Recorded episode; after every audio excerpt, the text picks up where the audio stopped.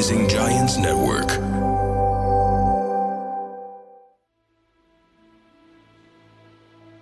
في عام 1978 على الساعة 9 بالليل أم روبرت إليزابيث وصلت ابنها على الصيدلية اللي كان بيشتغل فيها بدوام جزئي قال له إنه في رجل بيشتغل في أعمال الإنشاء عرض عليه إنه ممكن يعطيه 5 دولار على الساعة يعني مبلغ وقدره في هذيك الفترة واللي كان ضعف راتبه فعلا الأم وصلت ابنها على الصيدلية وقالت له إنه تنتظره برا بس ما يتأخر لأنه في هذا اليوم كان عيد ميلاده. رجعت على البيت بسرعة حتى تخلص بعض الأشياء ورجعت تاخذ ابنها من الصيدلية على الساعة 11 بالليل. الأم تسأل عن ابنها ما في لا حس ولا خبر عنه. رجعت على البيت وبدلا من أنها تحتفل بعيد ميلادها انقلب لكارثة. وتتصل بالشرطة تبلغ أنه كان عنده موعد مع شخص اسمه جون وين جيزي. مين هذا الشخص؟ الشرطة بعد هذا البلاغ صاروا يدوروا على روبن اللي كان عمره 15 سنة. شاب صغير ومتفوق في دراسته ومسؤول. روبن كان شاب وسيم طويل وشعره بني حبوب. قرر روبن إنه يشتغل ويعتمد على نفسه ولكن لسوء حظه اشتغل في صيدلية نيسن. اللي من خلالها تعرف على رجل اسمه جون وين جيزي. الرجل ضخم بعيون زرقاء باردة حبوب ومتحدث وناجح وكان يملك شركة إنشاء وله سمعة في البلد. الأم منهارة ما عارفة شو ممكن تعمل. الشرطة تحقق ولا آخر شخص شافه اسمه جون وين جيزي. الشرطة على طول عرفوا إنه في شيء صار للولد لأنه اسم جون وين جيزي ما كان غريب عليهم أبدا. ولد جون في 17 من مارس عام 1942 في ولاية واشنطن. كانت علاقته كتير طيبة مع أمه وكان عنده أختين وهو الأخ الأوسط. وأبوه كان يشتغل كميكانيكي والأم كانت ربة منزل. الأب كان صعب وعنيف مع جون لما كان صغير يعنفه بالكلام وبالسب والإهانات غير الضرب المبرح اللي كان شبه يومي على جون الأب سكير وكل ما يرجع على البيت في الليل كان يصب كل غضبه على ابنه بدون سبب وبدون رحمة. والأم على طول تهجم على الأب وتدافع عليه حتى توقف الضرب المستمر بس بدون فائدة جون مع كل التعنيف اللي كان يتلقاه إلا أنه كان دائما يسعى أنه يلاقي رضا أبوه بأي طريقة ولكن بدون فائدة وفي هذا الأثناء الأب كان عنده كثير من الأصحاب واحد منهم كان على طول يزور البيت ويقعد بالصالون لساعات طويلة. ينظر إلى جون ويبتسم ويقول له شو رأيك أخذك على محل الآيس كريم؟ منها بتنبسط وبتغير جو. وفعلا بعد الإلحاح المستمر نجحت الخطة. وفي يوم من الأيام ياخده ويحسسه بالأمان ويتكلم معاه ويضحك معاه بالسيارة. وفجأة يوقف السيارة وللأسف يعتدي عليه جنسيا. جون حس بالخوف والضعف والإهانة وبالأخص إنه ما ممكن يخبر أبوه على اللي صار معاه لأنه الأب أكيد حيلومه ويضربه فقرر إنه يكتم اللي صار معاه وتستمر عملية الاعتداء من صاحب الأب على جون لفترة من الزمن. جون خلال فترة طفولته كان يظهر عليه علامات التعب من أي مجهود يبذله وفي يوم من الأيام وهو في الصف يغمى عليه فجأة. وصل الخبر للأم وتركض فيه على المستشفى. ويخبروها إنه جون عنده مشاكل في القلب.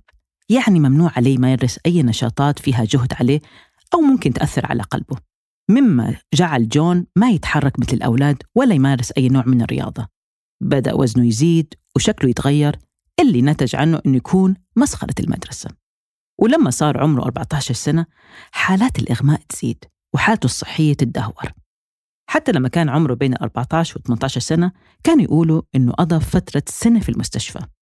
ما كان يروح على المدرسة بشكل منتظم اللي أثر بعدين على علاماته وعلى حالته النفسية كمان. ومع كل اللي ذكرته كان الأب يسخر من ابنه ويقول له يلا يلا بكفي تمثيل وتحاول تثير الشفقة. في عمر 18 سنة جون بدأ يشتغل في مجال السياسة كمساعد للحملات الانتخابية. يتكلم مع السياسيين والشخصيات المهمة. مهارة الكلام تنصقل مع الأيام ويعجبه حاله. شاف نفسه إنه والله عمل جميل. واللي ممكن تخلي الناس تحترمه وتقدره وبالأخص أبوه. ولكن الأب على طول يسمعه كلام إنه شو مفكر نفسك؟ أنت عديم الفائدة وعال على المجتمع. جون يشتغل ليل ونهار حتى يكسب ود أبوه اللي كان من المستحيل أصلا إرضاؤه. وفي هذه الفترة جون كان محتاج لسيارة فالأب قرر أنه يبيع سيارته ولكن على شرط أنه ملكية السيارة تكون باسم الأب بس جون يدفع الأقساط الشهرية. وفي مرة من المرات صار خلاف بسيط بين الأب وجون على موضوع السيارة. ويقرر الأب أنه يفصل المحرك ويشل حركة ابنه. وهون جون بعد كل محاولات إرضاء الأب باءت بالفشل. وحس جون أنه خلص تعب من حياته مع أبوه وقرر يترك السيارة المدرسة والبيت وكل شيء ويروح على ولاية واشنطن ويبدأ بداية جديدة. جون كون حياته الجديدة في واشنطن. اشتغل كمساعد في تحضير الجنائز. كان مسؤول عن تخليص المعاملة غسيل الأموات وتحضيرهم ووضعهم في التابوت. وأثناء مراسم التحضير كان جون يتأمل بالأموات وينظر إليهم بعين الاستعجاب والفضول. وفي يوم من الأيام جون حضر جنازة لشاب في سن المراهقة وكان عنده مشاعر غريبة تجاه الميت. هل هي مشاعر الإعجاب أو مشاعر الاستغراب من فكرة الموت؟ ولما اندفن كان يفكر في الميت. شيء غريب صح.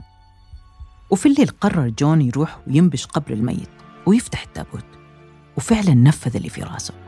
وجون نام مع الميت وحضنه. وفجأة هب الرعب في جسمه وقفز من التابوت وقلبه حيوقف من الخوف من المكان ومن الميت ومن الموقف. استغرب في نفسه شو الشيء الغريب اللي بيعمله. ركض على أقرب تليفون عمومي واتصل على أمه يترجى منها أنه يرجع لعندهم وهون الكارثة تبدأ. جون رجع على بيته يكمل الحياة اللي تركها وفعلا دخل على كلية التجارة في جامعة نورث ويست وتخرج عام 1976 وبدأ يشتغل في مصنع الأحذية في مجال التسويق. جون كان شاطر بالكلام وعنده ملكة في إقناع الناس وهي مهارة اللي اكتسبها أثناء عمله في مجال السياسة. المدير يعجب بشغله ويرقيه وفي هذا الوقت تعرف على بنت اسمها مارلين مايرز بنت جميلة ومؤدبة وبنت عز. أبوها مستلم سلسلة مطاعم KFC وعندهم معارف كتير جون شافها فرصة أنه يتزوجها ويستفيد منها ومن أبوها. فعلا تزوجوا والله رزقهم ببنت وبعدها جاب ولد وحالته المادية تتحسن. جون كانت حياته الأسرية ولا أروع. وحب ينشر الخير للمجتمع من خلال أعماله التطوعية للأطفال. فقرر أنه أفضل طريقة لرسم ابتسامة على وجوه الناس وبالأخص الأطفال إنه يكون بوغو المهرج اللي كان معروف إنه حبوب مع الأطفال. وكان عنده شخصية مهرج تاني اسمه باتشز اللي كان جدي. والأب بعد فترة يزور ابنه ويشوفه مؤسس عائلة وحالته المالية مرتاحة ويسلم على ابنه ويعتذر على سوء المعاملة طوال السنين. وجون حس أخيرا حياته كاملة أو هذا اللي كان يعتقده. جون وهو شغال في المطعم يتعرف على شباب أصغر منه ويمزح معهم ويكون علاقة صداقة متينة بينهم. وكان دائما يحاول يعزم الشباب الصغار عنده في البيت حتى يشربوا مع بعض في الغرفة اللي مخصصها لهم في القبو. ويبدأ المزح عن جون يتطور ويقوم يعمل إيحاءات إنه بده يقوم علاقة جنسية معاهم منهم اللي كان يقبل واللي كان يرفض على طول كان ياخذها بطريقة المزح. ويقول إنه أبدا ما كان يقصد اللي كان في باله. ويوم عن يوم سلوكيات جون تتطور. لحتى في يوم من الأيام في أغسطس عام 1967 جون يعزم أحد الأولاد واسمه دونالد. كان يشتغل معاه ويعزم على البيت ويقنعه إنه حيقضوا وقت ممتع مع بعض. وبدأ يحضر معاه أفلام جنسية ويعرض عليه إنه يدخن الممنوعات. ويحاول يعتدي عليه ويخدره. وفعلا جون يتمكن من الولد الصغير. والولد كان من حالة من الخوف وكان كاتم اللي صار معاه لفترة. خايف من جون وخايف من ردة الفعل ويقرر إنه يبلغ أبوه في عام 1968 الأب انجن وراح على قسم الشرطة يبلغ عن جون. وفعلا الشرطة تلقي القبض عليه بقضية التحرش ويحكم عليه بالسجن لمدة عشر سنوات. الزوجة أول ما سمعت هذا الخبر على طول قدمت على الطلاق وأخذت حضانة الأولاد وجون ما اتصل ولا شاف زوجته وأولاده بعد هذا اليوم. الكل ممكن يفكر إنه انتهى أو ممكن حس خلص ماله خلاص. هذا عكس اللي صار مع جون. كان معروف إنه رجل طموح وين ما يكون لازم يبرع ويلمع اسمه. فاشتغل في السجن كمسؤول عن الأكل وكون علاقة مع السجناء والمدراء السجن لدرجة أنه حسن من حالة السجن والكل كان مبهور من سلوكه على أنه شخص حاب يغير وضعه ووضع السجناء للأحسن. صار جون مشهور في السجن الكل كان يحبه ويحترمه. وتخيلوا معي أن الحكم يتخفف من 10 سنوات إلى 18 شهر. وفي عام 1970 يطلع من السجن بحسن سيرة وسلوك. جون يطلع من السجن ويسكن عند أمه في شيكاغو بس هالمرة تخرج من السجن بمهارات جديدة مكتسبة. منها الاحتيال وكسب ود الناس وجراءة مش طبيعية. أول شيء بدأ في تحسين علاقته مع الناس. وطبعا لأنه شاطر في الكلام وله قبول يعرض على الناس إنه يساعدهم مرة يدوب التلج من الطريق يساعد الناس في حمل أغراضهم شوي شوي سمعته تتحسن وصار محبوب والناس نسيت اللي عمله. والناس بدأت تسأل ليش مش متزوج؟ والله شاب صالح مثلك لازم يكون متزوج. وقرر إنه يتصل على كارول هوف كانت معاه في الثانوية. اتصل عليها حتى يقيم علاقة ويستقر. وفعلا يتزوجوا وجون يكون الأب المثالي لبنتينها من الزواج السابق. بتمر الأيام. كان الزوج المثالي وحتى لهم صورة مع بعض. الرجل الأنيق الواثق من نفسه والله فتحها عليه. جون بدأ يساعد الجيران بأعمال البيت والصيانة وقرر إنه يفتح شركة إنشاء وصيانة. وفعلا ينجح نجاح باهر. وجون كان بس يعين أولاد صغار اللي, بت... اللي بمرحلة الثانوية أو الجامعة يشتغلوا معاه في نفس الشغل. الزوجة كانت دائما تلاحظ إنه جون على طول كان يجيب أولاد عنده في الكراج وما كان يطلعوا إلا في الليل. كل ما كانت تسأله كان يجاوبها إنهم معاه في الشغل. وفي 3 يناير عام 1972 العائلة كانت مجتمعة مع بعض يتحدثوا بالليل الكل كان مبسوط وفرحان. ويقوم جون ويقلهم يلا حأستأذن الكل وين رايح؟ يقول والله في تمثال ثلجي أنا حاب أشوفه وإن شاء الله ما حتأخر. فعلا يحمل حاله في الليل ويركب بها السيارة ويدور في الليل. ولا فجأة يشوف شاب صغير عمره 16 سنة اسمه تيموثي. منتظر في محطة الباص حتى يرجع على البيت عند أبوه يحتفل. على طول جون يقول له والله هذا الوقت متأخر بالليل تعال نروح على البيت وبعدين الصبح برجعك على بيتك. وفعلا بعد إقناع الولد يسمع لكلامه ويقتنع. وفي صباح اليوم التالي جون وين كان نايم النوم العميق ولا يحس فجأة إنه في حد عم بينادي على اسمه. ما عارف جون هل هو هذا جزء من الحلم أو الحقيقة ويفتح عينه شوي شوي ولا تيموثي واقف أمام عينه ومعه سكين. جون صابه حالة من الذعر والخوف. وبدون تفكير يهجم عليه وياخذ السكين من إيده ويسدد له الطعنات. والولد تيموثي في حالة من الذهول والخوف ما فاهم ليش الهجوم المفاجئ والطعنات المتكررة. ويصرخ! ويصرخ الولد تيموثي ويترجى إنه يوقف طعن. بعد طعنات وطعنات لجسده لتيموثي فجأة المكان في حالة هدوء مرعبة. بعد ما نفذ عمليته ما كان يسمع إلا دقات قلبه ووقع جون واين جيسي على الأرض من التعب. جون حس كأنه في فيلم رعب والوقت بدأ يمر ببطء شديد وما عنده أي فكرة شو حيعمل بالجثة. وبعدين وبسرعة يقرر إنه يدفنها تحت أرضية المطبخ ويحط بلاط عليه. وبعد ما هدأ ولا يكتشف إنه تيموثي كان مجهز له فطور المثالي لجون كشكر لأنه سمح له إنه يقضي ليلة في بيته.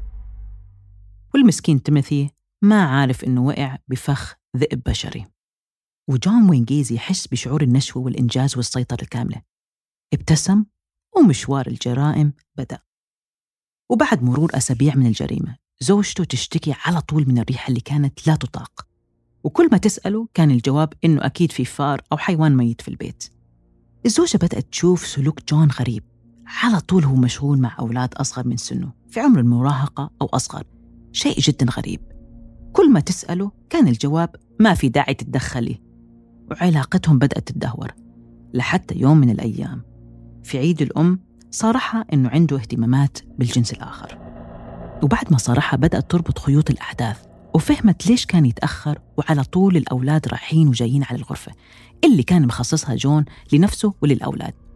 ومن هون أخذت القرار إنه تدخل على الغرفة بس بدون علمه.